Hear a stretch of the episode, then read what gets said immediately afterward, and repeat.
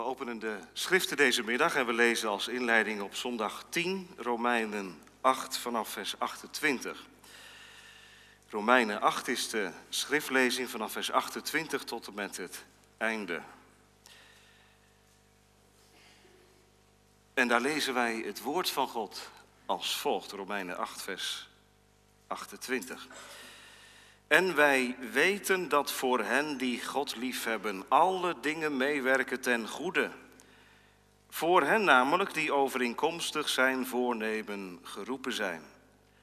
Want hen die hij van tevoren gekend heeft, heeft hij er ook van tevoren toe bestemd om aan het beeld van zijn zoon gelijkvormig te zijn.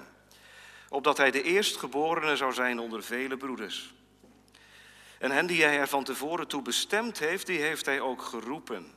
En hen die hij geroepen heeft, die heeft hij ook gerechtvaardigd. En hen die hij gerechtvaardigd heeft, die heeft hij ook verheerlijkt. Wat zullen wij dan over deze dingen zeggen? Als God voor ons is, wie zal tegen ons zijn? Hoe zal hij, die zelfs zijn eigen zoon niet gespaard, maar voor ons allen overgegeven heeft, ons ook met hem niet alle dingen schenken? Wie zal beschuldigingen inbrengen tegen de uitverkorenen van God? God is het die rechtvaardigt. Wie is het die verdoemt? Christus is het die gestorven is. Ja, wat meer is, die ook opgewekt is, die ook aan de rechterhand van God is, die ook voor ons pleit. Wie zal ons scheiden van de liefde van Christus? Verdrukkingen of benauwdheid of vervolging of honger of naaktheid of gevaar of zwaard? Zoals geschreven staat, want omwille van u worden wij de hele dag gedood. Wij worden beschouwd als slachtschapen. Maar in dit alles zijn wij meer dan overwinnaars, door Hem die ons heeft liefgehad.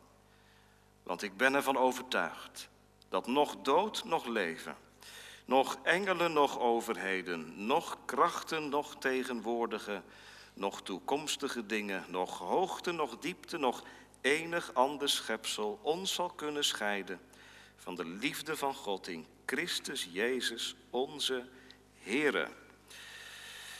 Hier eindigt Romeinen 8. We openen het leerboek bij zondag 10 en lezen vraag en antwoord 27 en 28. Vraag en antwoord 27 en 28 van zondag 10.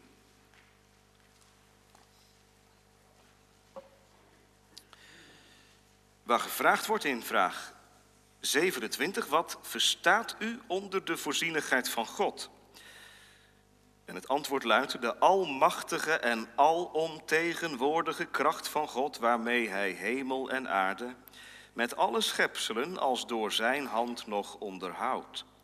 En zo regeert dat loof en gras, regen en droogte, vruchtbare en onvruchtbare jaren, spijs en drank, gezondheid en ziekte, rijkdom en armoede, ja, alle dingen, ons niet bij toeval, maar uit Zijn vaderlijke hand toekomen.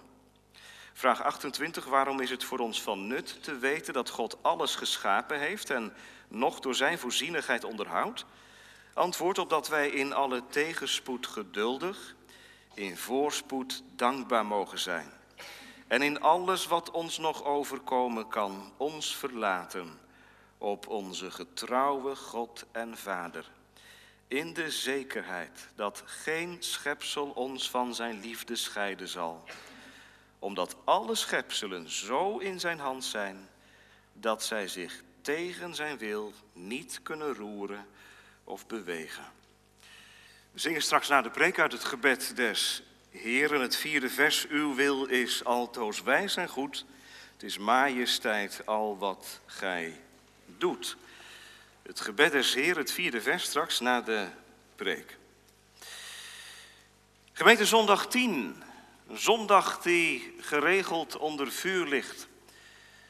En er zijn de nodige stemmen uit de seculiere wereld die daar een flinke duit bij in het zakje doen. Vaak zijn het ook mensen die afscheid hebben genomen van het christelijk geloof en op hun manier een bepaalde verwerkingsperiode ingaan, doormaken. En dan is die God van zondag 10 nog wel eens het mikpunt. Bekend voorbeeld, Maarten het Hart, in een vlucht regenwulpen, die die schokkende woorden heeft uitgesproken. De God die van zondag 10, die mijn moeder keelkanker heeft gegeven, die God, daar geloof ik niet in. Daar schrikken wij van en tegelijk heb je hem op zijn scherpst dan. En wij staan voor ons gevoel met de rug tegen de muur. Ja, nu moeten wij ons gaan verdedigen tegenover Maarten het Hart en zoveel anderen die ons het in de schoenen duwen. Wat heb je nou aan zo'n God die dat lijden toelaat? En moet eens kijken wat er gebeurt in de wereld. En oh ja, je kind ligt in het ziekenhuis, hè? Jij gelooft in God? Een God die liefde is? had hij dit nooit zo ver laten komen. Zondag 10 wordt zomaar een, een zondag als je niet oppast van verdediging. dat ik als dienaar van het woord deze God vanmiddag moet gaan verdedigen voor u. Omdat, laten we eerlijk zijn, we zijn geen Maart het hart, maar dat gevoel, die emoties, die kunnen ons ook zomaar beet nemen. Misschien wel heel herkenbaar. Door persoonlijke ervaringen, dingen die je meegemaakt hebt. Dan wordt de leiding van God in plaats van een, en zo is het bedoeld, een troostrijk geheel, een bestreden werkelijkheid. En dat is een realiteit waar je niet omheen kunt. Maar het is de vraag of daarmee alles gezegd is. Het viel me weer op in de voorbereiding. Zondag 10 gaat niet alleen maar over het kwaad en over het lijden. Wat ons kan overkomen en wat ons ook geweldige schade kan berokkenen. Het gaat over de vaderlijke zorg van de Heer over alle dingen. De kleine dingen van het leven. De heerlijke en blijde dingen van het leven. De goede en mooie dingen van het leven. Ook dat is de vaderlijke voorzienigheid van God. En ja, het spant natuurlijk vooral op die momenten dat wij het niet bij elkaar krijgen. Onze lijn van denken, onze wijze van leven en Gods leiding in mijn leven. En we zetten er zomaar een vraagteken achter, hè? want ja, is er nog wel leiding van God in mijn leven? Want ik heb dit meegemaakt en dat en nou, gemeente, niemand kan zeggen, niemand van de jongeren, niemand van de ouderen, dit gaat mij niet aan. Dit komt natuurlijk heel dichtbij. Dit gaat over ons, toch? Het gaat over mij. Ik hoop dat u vooral vanmiddag de troost ontdekt. Of opnieuw ontdekt. En meeneemt ook naar huis toe de troost van Gods vaderlijke voorzienigheid. We letten erop vanmiddag aan de hand van drie gedachten. Allereerst letten wij op de aard van Gods leiding, dat is vraag en antwoord 27. Vervolgens de worsteling om Gods leiding, die is er ook. En ook de Bijbel geeft daar woorden aan. En tot slot de troost in Gods leiding, vraag en antwoord 28. Allereerst dus de aard van Gods leiding. Vragen, die hebben niet alleen gelovigen, die hebben ook ongelovigen. Ik heb net een stem, de stem van Maarten het hart laten klinken, die er niet uitkomt. Een compleet raadsel. De leiding van God in je leven. Maar laten we van de weeromstuit niet zeggen dat een gelovige geen vragen heeft. Een gelovige is niet iemand met alleen maar antwoorden. Een christen is niet iemand met alleen maar antwoorden. Weet je wat je dan krijgt? Een heel zelfverzekerd mens. Die geen vragen meer heeft, maar met de antwoorden leeft. Het altijd voor het oprapen heeft. Het altijd heeft. De Bijbel, de schrift geeft gebeurt er in mijn leven? Hoe moet ik het duiden? We hebben een paar psalmen gezongen. We zouden er nog veel meer kunnen zingen. Vindt u niet een geweldige gave van, van de Heer, dat psalmboek? waarin deze elementen een plek krijgen. Dat het leven met de Heer dus niet alleen maar zonneschijn is en alleen maar helderheid en alleen maar duidelijkheid, maar dat er ook een rand is van tasten, zoeken, vragen. En dat ligt niet aan God. En dat ligt aan je eigen beperktheid. En zo komen mensen ertoe, bijvoorbeeld Jeremia, om zelfs zijn geboortedag te vervloeken. En wat denkt u van Job, die hoofdstukken lang met God in discussie is? En op zeker moment zelfs zegt, als God een mens zou zijn, dan zou ik hem voor mijn rechtbank dagen. Dan zou hij mij uitleg moeten verschaffen. Ja, ik weet wel dat Job uiteindelijk de hand op de mond legt. Maar de Heilige Geest heeft het goed gedacht om ook die delen, die elementen in de Bijbel op te nemen. De leiding van God is voor ons geen doorzichtig geheel. Laten we dat als allereerst maar tegen elkaar zeggen. Wat betekent het eigenlijk als de catechismus het heeft over de voorzienigheid? Het woordje voorzienigheid kom je in de Bijbel niet tegen. Het woordje voorzien wel. En de bekende geschiedenis, recent over gepreekt hier, is Genesis 22. daar wordt God de God die voorziet genoemd. En wat betekent dat, jonge mensen? Voorzien. Voorzien in. Dat betekent twee dingen. Allereerst dat God vooruitziet, dat hij weet hoe mijn leven gaat, dat hij weet hoe de wereldgeschiedenis zich afwikkelt. Dat is één. Maar betekent nog iets. Dat God ook in alles voorziet. En dat is een groot verschil met mensen. Wij kunnen tot op beperkte hoogte vooruitzien. Een politicus die probeert vooruit te zien en die probeert te anticiperen. En u in uw functie probeert ook vooruit te zien en daarop wat zaken te doen en, en niet te doen. Maar het is allemaal heel beperkt natuurlijk. Het kan anders gaan. Maar God ziet vooruit en voorziet tegelijk ook in. Ook als het leven een bocht neemt. Denk eens aan Abraham, Genesis 22. Isaac moet geofferd worden. Wat? Een ellende. Zijn enige zoon die hij lief heeft, moet op het altaar. Weet God dan niet hoeveel pijn dit doet? Dat weet hij. En God voorziet. Terwijl de vraag er is, hè, waar is het lam? Waar is het lam? Wat zegt Abraham dan? God zal voorzien, mijn zoon. Het is geen doffe berusting. Dat is diepe worsteling van binnen en tegelijk die gelovige overgave. Vader regeert. Hij zal het op zijn wijze doen en het zal goed komen. En vandaar dat de berg waar Abraham Isaac offert, de berg Moria heet, hè, op de berg des Heren, wordt het voorzien. Ja, en die berg brengt ons in gedachten zomaar bij die andere berg, die heuvel. Jullie weten wel wat ik bedoel, hè? die heuvel Golgotha. Daar waar ook blijkt dat God vooruitziet, God wist wat zijn zoon ging doen en wat hem te wachten stond. En tegelijk ziet, voorziet God in. Ja, zegt u, voorziet God in. God verlaat zijn zoon.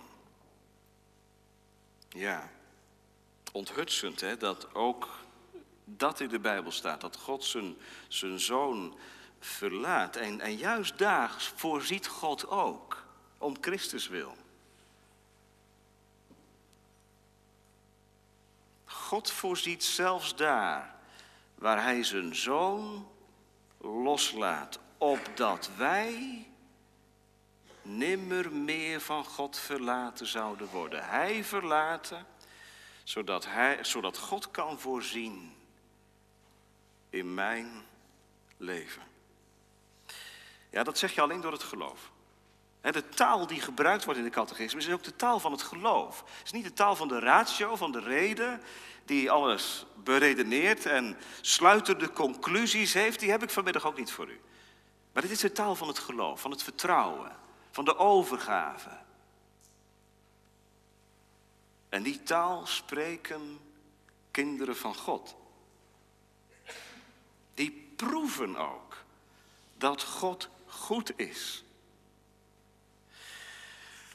En die zorg en die leiding van God, die gaat echt over alle dingen. Het begint er ook mee, het antwoord. Niet alleen het leven, maar ook de hele schepping.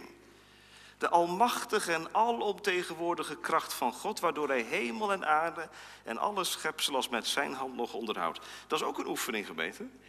Wij betrekken Gods leiding heel vaak op, op ons eigen kleine leventje. Dan gaat het alleen maar om mij. Wat houd ik nog over? En hoe ver moet het gaan? En hou ik het vol? En dat is natuurlijk heel logisch, die vragen, van ons uit.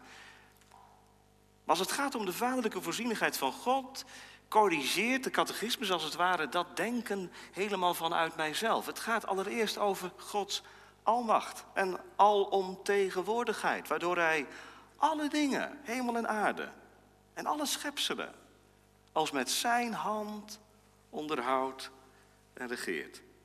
Onderhoudt en regeert.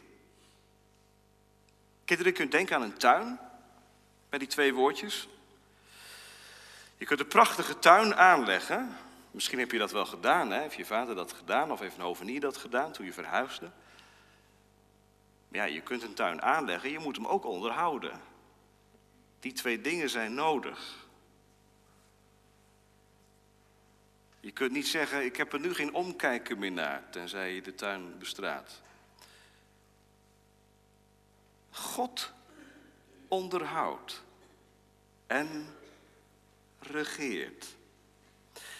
Deze twee werkwoorden die hier gebruikt worden, die zijn um, bedoeld om het denkbeeld te corrigeren dat God wel alles gemaakt heeft, maar vervolgens aan het lot overgelaten. He, zoals de horlogemaker die het horloge wel in elkaar zet, het verkoopt en dan is het uit de zaak en dan kijkt het er niet meer om.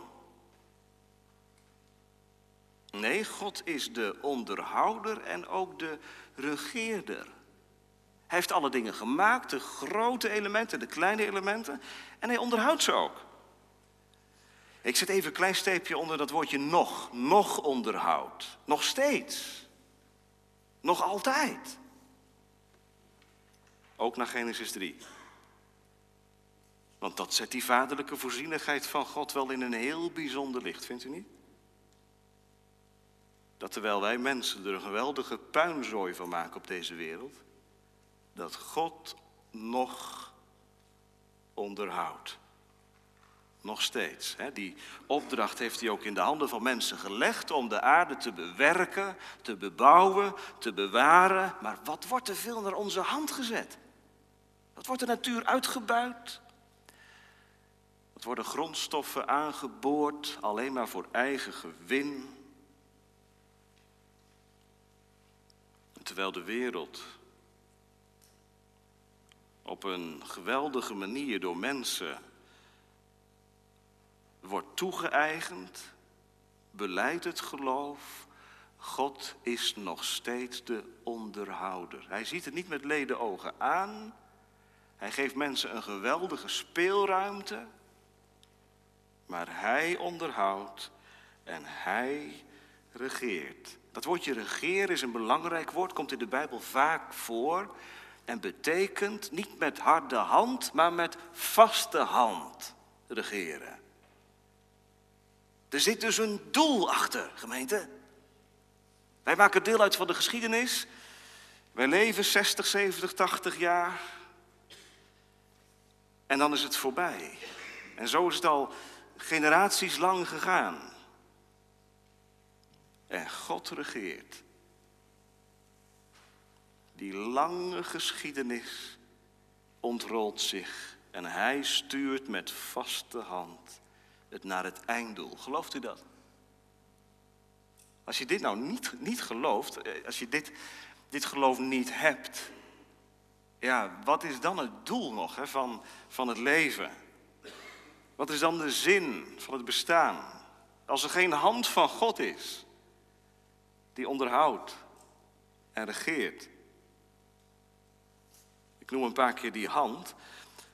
Ehm, de catechismus die gebruikt het woord hand in die twee antwoorden die we net gelezen hebben, drie keer. Eh, niet meer vergeten, de vaderlijke voorzienigheid van God heeft alles te maken met zijn hand, met zijn handen. En dat is mensvormig gesproken, dat is bedoeld om ons tegemoet te komen. God is een geest en geen lichaam. Maar als je nou denkt aan handen, kinderen, als je nou denkt aan handen. Bijvoorbeeld de handen van je moeder. Wat doen de handen van je moeder? De handen van je moeder die pakken van alles vast. En ze hebben ook heel veel vast wat jou van pas komt, hè? Misschien wel je schooltas morgens, of uh, je schoenen, of je jas. Wat denk je van het brood wat gesmeerd wordt? dat doet je moeder waarschijnlijk. En als je thuis komt, dan is je moeder er. En die pakt je vast. En wat heeft je moeder je veel vast gehad toen je nog niet kon lopen? Dat heeft ze allemaal met haar handen gedaan. Daar heb jij geen weet van.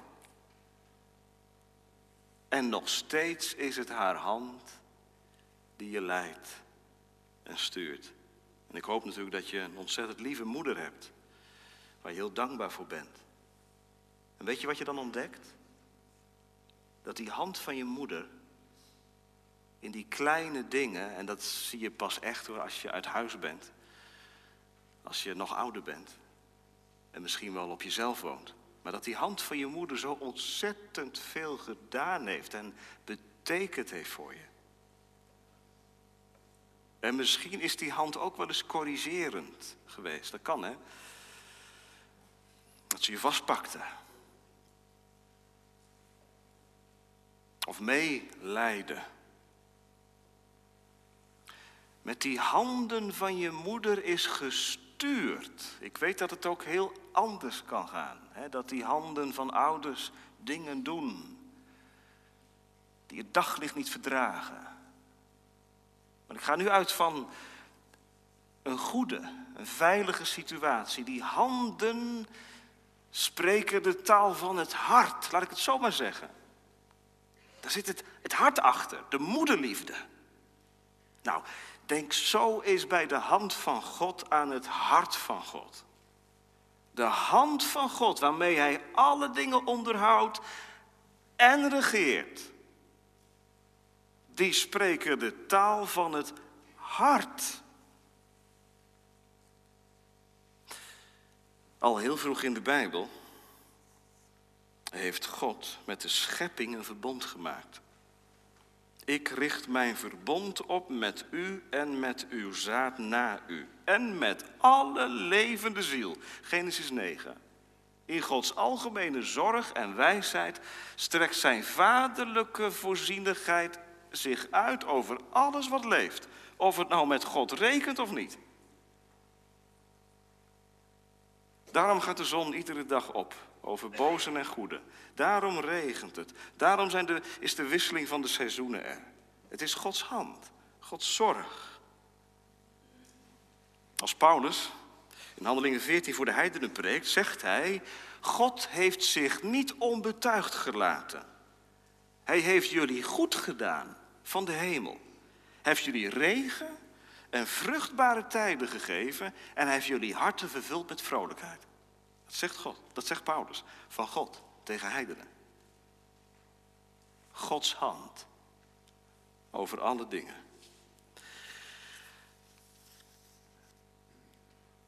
En nu zegt iemand, ja, maar dat gaat allemaal goed tot op het moment dat het voor mijn gevoel botst en ik die hand van God niet meer waarneem. Of zelfs denk, dit is niet de hand van God, dit is, dit is de hand van het boze. Nou, die is er ook. die wordt hier niet met zoveel woorden genoemd. Maar waarom zou Jezus de duivel de overste van deze wereld genoemd hebben? Is dat omdat hij een uh, minimaal plekje heeft? Ik dacht het niet.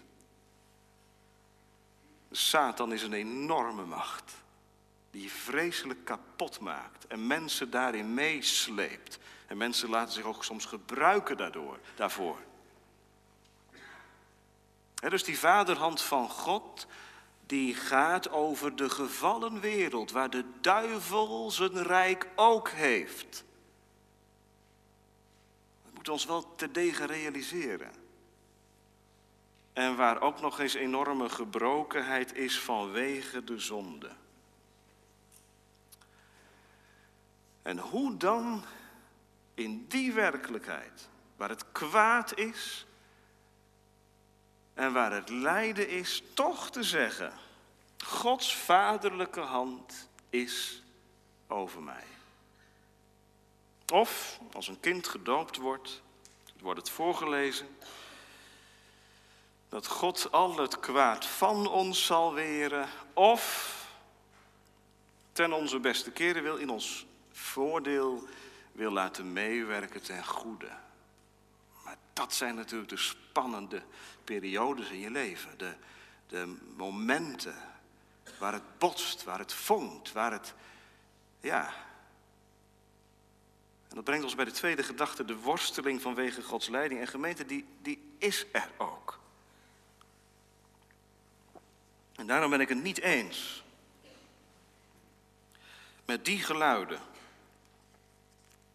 maar het gaat er niet om wat ik vind, maar wat de Bijbel vindt. niet eens met die geluiden. Die zeggen, ja, er zijn geen antwoorden mogelijk, dus ik heb al heel wat in mijn leven meegemaakt. Je, kunt je moet je er maar niet tegen verzetten. Je moet je er maar gewoon aan overgeven. want ieder huis heeft zijn kruis en ieder hart heeft zijn smart. En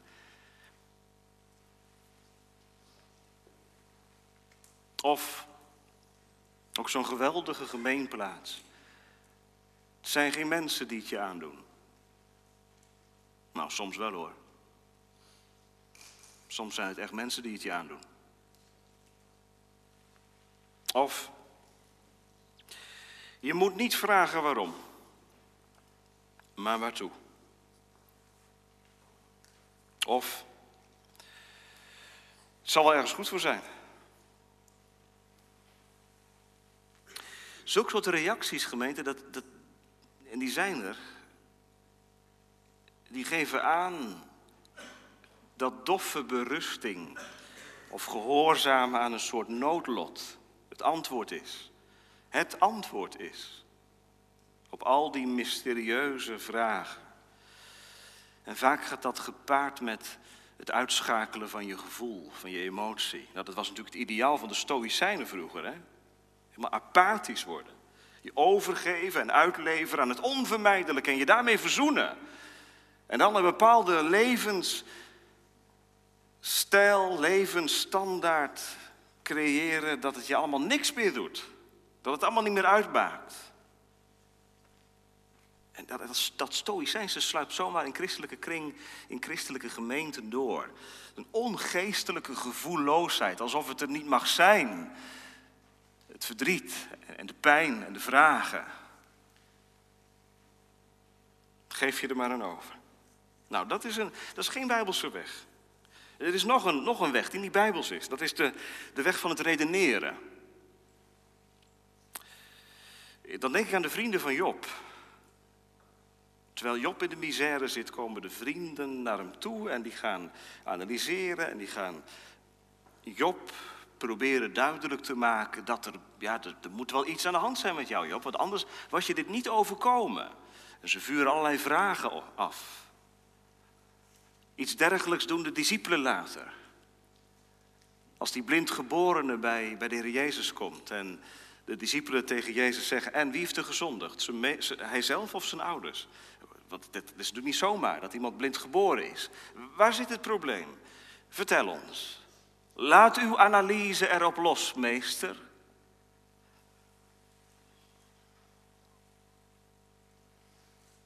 Het catechismus volgt die beide sporen niet. Omdat de Bijbel ons die sporen ook niet wijst. Wat is dan wel het spoor? Nou, allereerst wil ik zeggen dat waarom vragen echt gesteld mogen worden. Wel op de goede plek. Voor Gods aangezicht.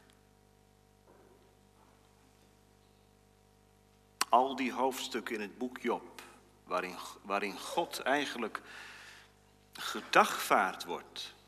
De Heilige Geest heeft het niet weggewist, heeft het laten staan. Jeremia, Elia. Ja, maar het is niet allemaal goed. Nee, dat is zo. Maar het is wel heel menselijk. En dat menselijke, dat mag er zijn. Die waarom vragen. Jezus stelde hem zelf. Waarom hebt u mij verlaten? En dan tegelijk, in één adem. God is goed. God is goed. Het kwaad zit niet in God. Is het kwaad dan een noodlot, een macht waar God ook geen raad mee, mee weet? Gaat het buiten God om? Is het een macht die God niet aan kan? We beleiden toch ook dat God almachtig is? Het wordt toch ook gezegd, de almachtige en alomtegenwoordige kracht van God. Iemand heeft eens gezegd, schrijven wij de tegenslagen aan God toe, dan ontheiligen we zijn naam. Maar zeggen we dat God niets van doen heeft met het kwaad, dan ontledigen we zijn naam. Er staan namelijk ook teksten in de Bijbel. In Amos bijvoorbeeld, zou er een kwaad zijn dat God niet doet. Betekent niet dat God de auteur is van de zonde. Of dat hij het gewild heeft dat iemand ziek wordt of iemand sterft. En toch beleidt het geloof, het loopt hem niet uit de hand. Het valt wel onder zijn, zijn besturing en zijn heerschappij.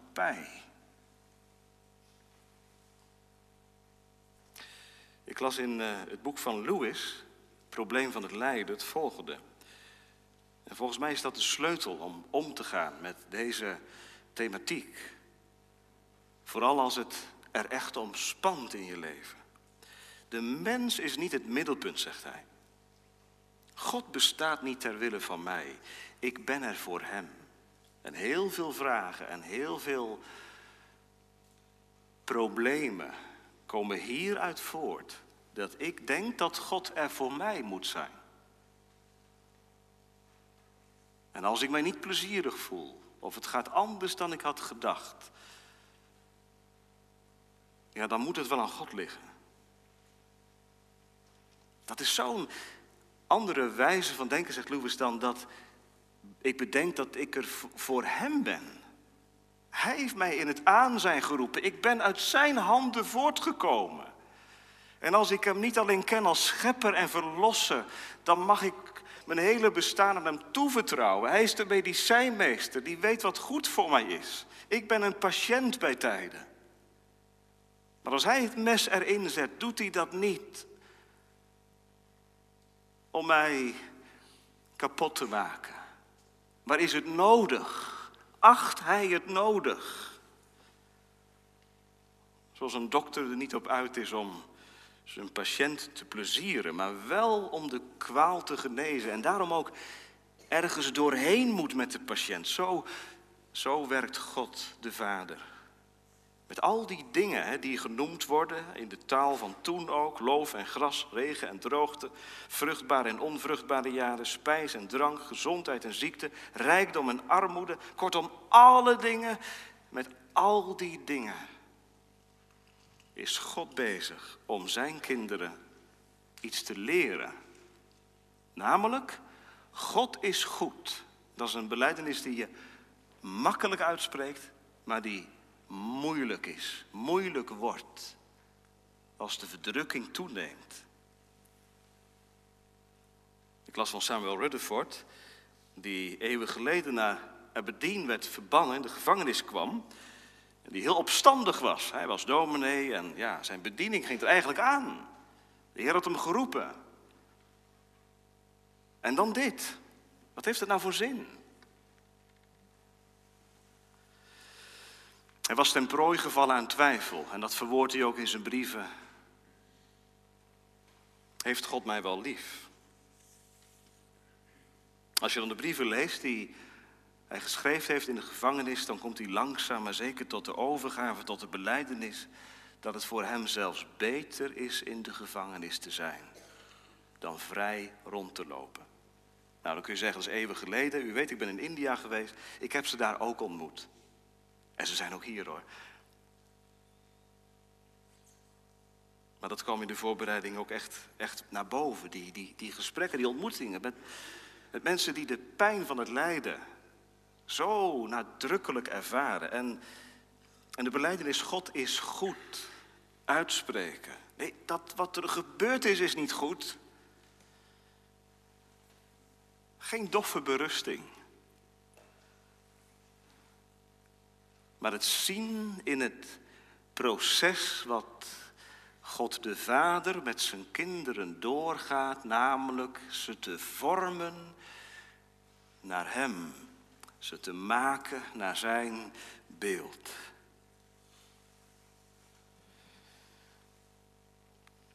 Denk aan Paulus. Die hele bekende geschiedenis van de doorn in het vlees. Het is heel leerzaam om te zien hoe Paulus omgaat met die doorn in het vlees. Hij zegt niet, nou ja, dat, zal, dat hoort er allemaal bij. Het zijn geen mensen die het je aandoen en zo. Hij heeft daarom geworsteld.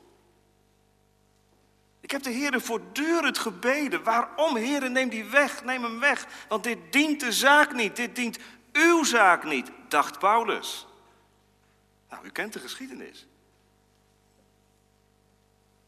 Maar God neemt hem niet weg. En Paulus zegt ook niet, ja, die doorn, dat heeft God, God heeft dat gedaan. Het is een engel van de Satan. Dus het kwaad heeft blijkbaar ook macht. Die mij met vuisten slaat.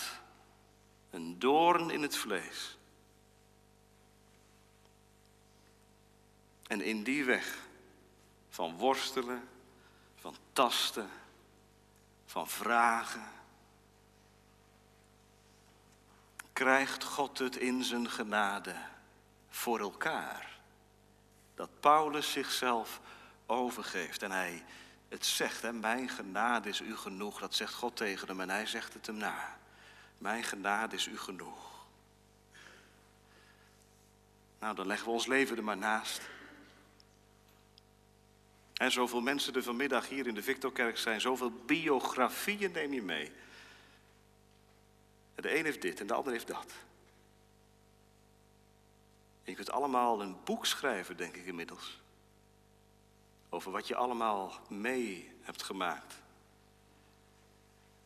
Je verloren hebt. Je gekregen hebt. Waarvan het gevoel is, het haalt de vaart uit mijn leven. Al die dingen, die doornen, die vuisten, die schade. Waar is God?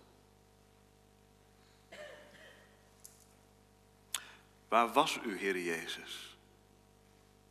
We hebben u geroepen. Onze broer Lazarus ligt al drie dagen in het graf. U bent toch al machtig?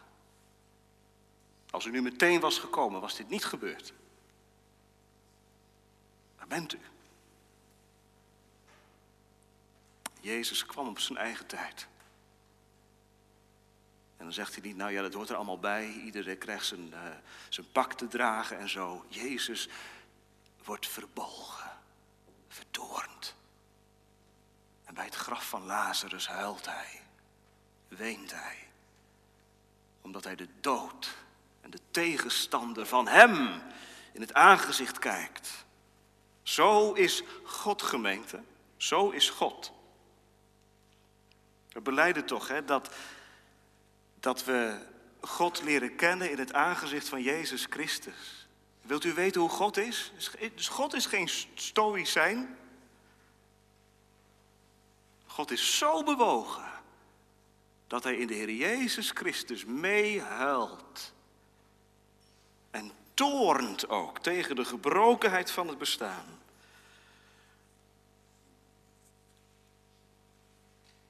En ja, hij wekt Lazarus op, dat is zo. In die zin komt het goed. Maar die geschiedenis staat in de Bijbelgemeente om te laten zien dat, dat wat wij als enkel verlies duiden, dat God dat in zijn vaderlijke wijsheid kan transformeren tot iets goeds. Dat, daar kunnen wij niet bij. Dat kun je ook niet analyseren, daar kun je ook niet de vinger achter krijgen, maar het gaat erom, vertrouw je hem daarop. Dat hij het doet. Misschien mag ik gewoon twee tips geven. Twee hele concrete, praktische tips. Lees eens wat biografieën van christenen die vroeger of nog niet zo lang geleden geleefd hebben. Welke biografie je ook leest, of dat nou Bonheuver is, of Louis, of, of, of Bunyan, of, of wie dan ook. Het thema van lijden en pijn en verdrukking zal terugkomen. En je ziet ook in al die levens, in al die biografieën, hoe God zijn vaderlijke zorg in die ellende bewijst. Daar kun je ontzettend veel van leren. Dat is één. En twee, ja, kan ik moeten omdraaien. Maar goed, u begrijpt het wel. De Bijbel. Lees de schrift. Daar, gemeente. Daar lezen wij van Gods omgang. Met zijn volk in het Oude Testament. Met individuen in het Oude Testament. Met zijn discipelen in het Nieuwe Testament. Waarom, jonge mensen, waarom staan al die geschiedenissen in de Bijbel? Waarom zo'n dik boek wat gaat over Abraham, Isaac en Jacob? Nou, de handelingen van God met zijn kinderen op het spoor komen wie hij is. En daar moet het heen. Daar moet het heen. Zoals William Cooper eeuwen geleden dichtte. Terwijl zijn moeder overleed op jonge leeftijd en hij zelf in een zware depressie raakte. Er ook eigenlijk niet meer uitkwam. Hij dicht het volgende gedicht. Uit grondeloze diepten put God licht en vreugde uit pijn. Hij voert volmaakt zijn plannen uit. Zijn wil is soeverein. Geliefden Gods, schep nieuwe moed. De wolken die gij vreest zijn zwaar van regen, overvloed van zegen geneest. Zou gij verstaan waar hij u leidt? Vertrouw hem waar hij gaat. En dan, wat mij betreft, de meest diepe zin, zijn duistere voorzienigheid verhult zijn mild gelaat. Zijn duistere voorzienigheid verhult zijn mild gelaat. Dat op het spoor komen, gemeente. Dan ben je waar God je hebben wil. Zie je hem in de ogen. Dan hoor je zijn hart kloppen. Dan weet je, je zijn geliefde kind. Ook als er zoveel is wat je niet begrijpt. Gods vaderlijke voorzienigheid. Al is je leven geknakt, net als Paulus. Ik zal in mijn zwakheden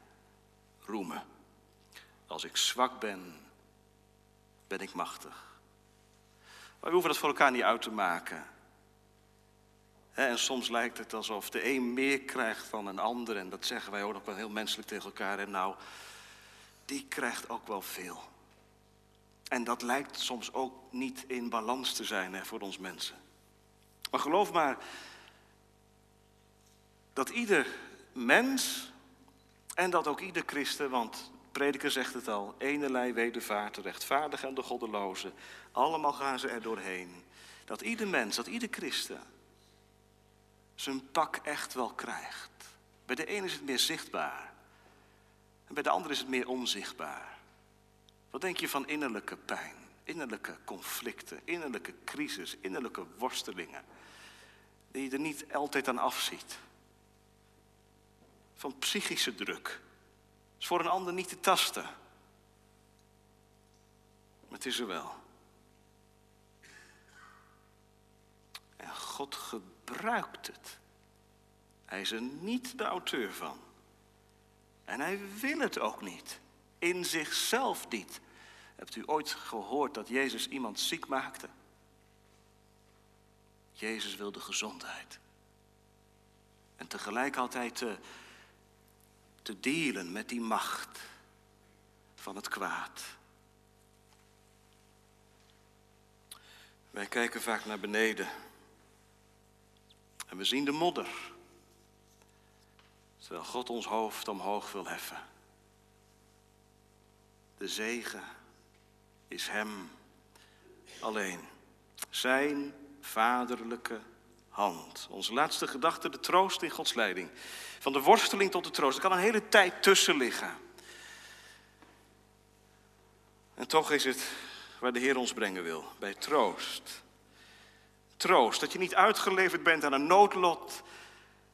Dat het kwaad niet machtiger is dan God. Dat God raad weet met je radeloosheid. Dat er één is die opzicht houdt en die met vaste hand je stuurt in tegenspoed. Antwoord 28. In voorspoed. In alles dat ons nog toekomen kan. Wat wil God dan leren? Dat we een goed toevoorzicht hebben op onze getrouwe God en Vader. Dat we op Hem aankunnen. Dat. Dat we onze hand in het vuur durven te steken voor wie Hij is. Hij zal zijn werk voor mij voleinden. Dan komen er zomaar psalmregels je hart binnenwaaien. En je zingt ze mee, door de tranen heen. Een glimlach van boven. God is zo getrouw als sterk. Terwijl je midden in dat louteringsproces zit. En het zilver, dat wordt beproefd. Maar het moet uitgezuiverd worden. Want God wil zijn eigen beeld weer spiegeld zien in zijn kinderen. Zo werkt de Vader heen naar zijn hart. In tegenspoed, in voorspoed, in alles dat ons nog toekomen kan, een goed toevoorzicht hebben op onze getrouwe God en Vader. Dat ons geen schepsel van zijn liefde scheiden zal, aangezien alle schepselen zo in zijn hand zijn, dat ze tegen zijn wil zich nog roeren, nog bewegen kunnen. Proef je aan deze intonatie. Hier staat niet iemand die het allemaal weet. En het voor een ander ook heel goed weet. Dit is het aangevochten geloof. Dat zijn houvast ontleent aan Christus. De getrouwe God en Vader. Je logica schiet tekort, maar het geloof zegt amen op wat Hij doet en wat Hij kan. En dan nog iets en dan gaan we afronden. Wat mij opviel, ik zal er nog iets meer over vertellen op de gemeenteavond volgende week. Wat mij opviel in India is dat wij in de westerse wereld, ook als christenen, heel snel hier en nu aan elkaar verbinden. En het trof mij dat in gesprekken met christenen in India, dat het echt anders ligt. Dat dat hier en straks is. Waar wij hier en nu noemen, is het daar hier en straks. Alsof het gewoon één constante lijn is. Sterf ik vandaag voor de zaak van Jezus, dan ben ik vandaag nog bij Hem. Ik wandel zo door. Terwijl wij hebben daar wel moeite mee, hè? Zou dit ook een onderdeel zijn, heb ik me afgevraagd, van het lijden, van de leiding van God in het leven, ook met al die schurende pijnpunten in ons leven, dat hij ons wil bewust wil maken van wat er nog komen gaat. En ons als het ware aan het oefenen is in verwachten, in hopen, in uitzien. Want dat gaat ons niet zo eenvoudig af. Omdat het leven hier en nu toch ook wel heel erg trekt als christen. Zou dat het zijn? Een goed toevoorzicht. Door de tranen heen. We gaan eindigen, gemeente. Het is tijd. Ik eindig met een gedicht van Fanny Crosby. Als iemand eh, geweten heeft van, van pijn, van verdriet in haar leven, is ook zij het geweest. Zij was haar leven lang blind. Ze heeft veel liederen gedicht. een van de bekende liederen is Al de weg leidt mij mijn heiland. dan zegt ze, wat verlangt mijn ziel dan meer? Nou, ze had heel veel verlangens, denk ik. Het gezichtsvermogen. Laat dat terugkomen. Ik heb verlangens, u hebt verlangens. Wat zou je terug willen hebben? Wat zou je meer willen hebben? En wat zou je minder willen hebben? Vraag jezelf eens af, herken je je de bodem van je ziel in deze taal? Al de weg leidt mij mijn heiland. Wat verlangt mijn ziel dan meer? Zou ik immer aan hem twijfelen, die mij voortleidt keer op keer? Zoete troost en zalige vrede heb ik steeds op zijn bevel. Ik weet wat hier mij overkomen. Hij maakt alle dingen wel. Al de weg leidt bij mijn heiland. Troost geeft hij tot in de dood. Als ik zwak ben in beproeving, sterkt hij mij met hemels brood. Als mijn schreden soms gaan wankelen en mijn ziel van dorst versmacht, geeft hij mij het levend water en vernieuwt mijn levenskracht. Al de weg leidt mij mijn heiland door al het aardse stormgebruis. En volkomen vreugde wacht mij in het zalig vaderhuis. Als ik mijn kroon, die hij zal geven, aan zijn voeten nederleg, zal mijn lied voor eeuwig wezen. Jezus, leidde mij al de weg. Amen.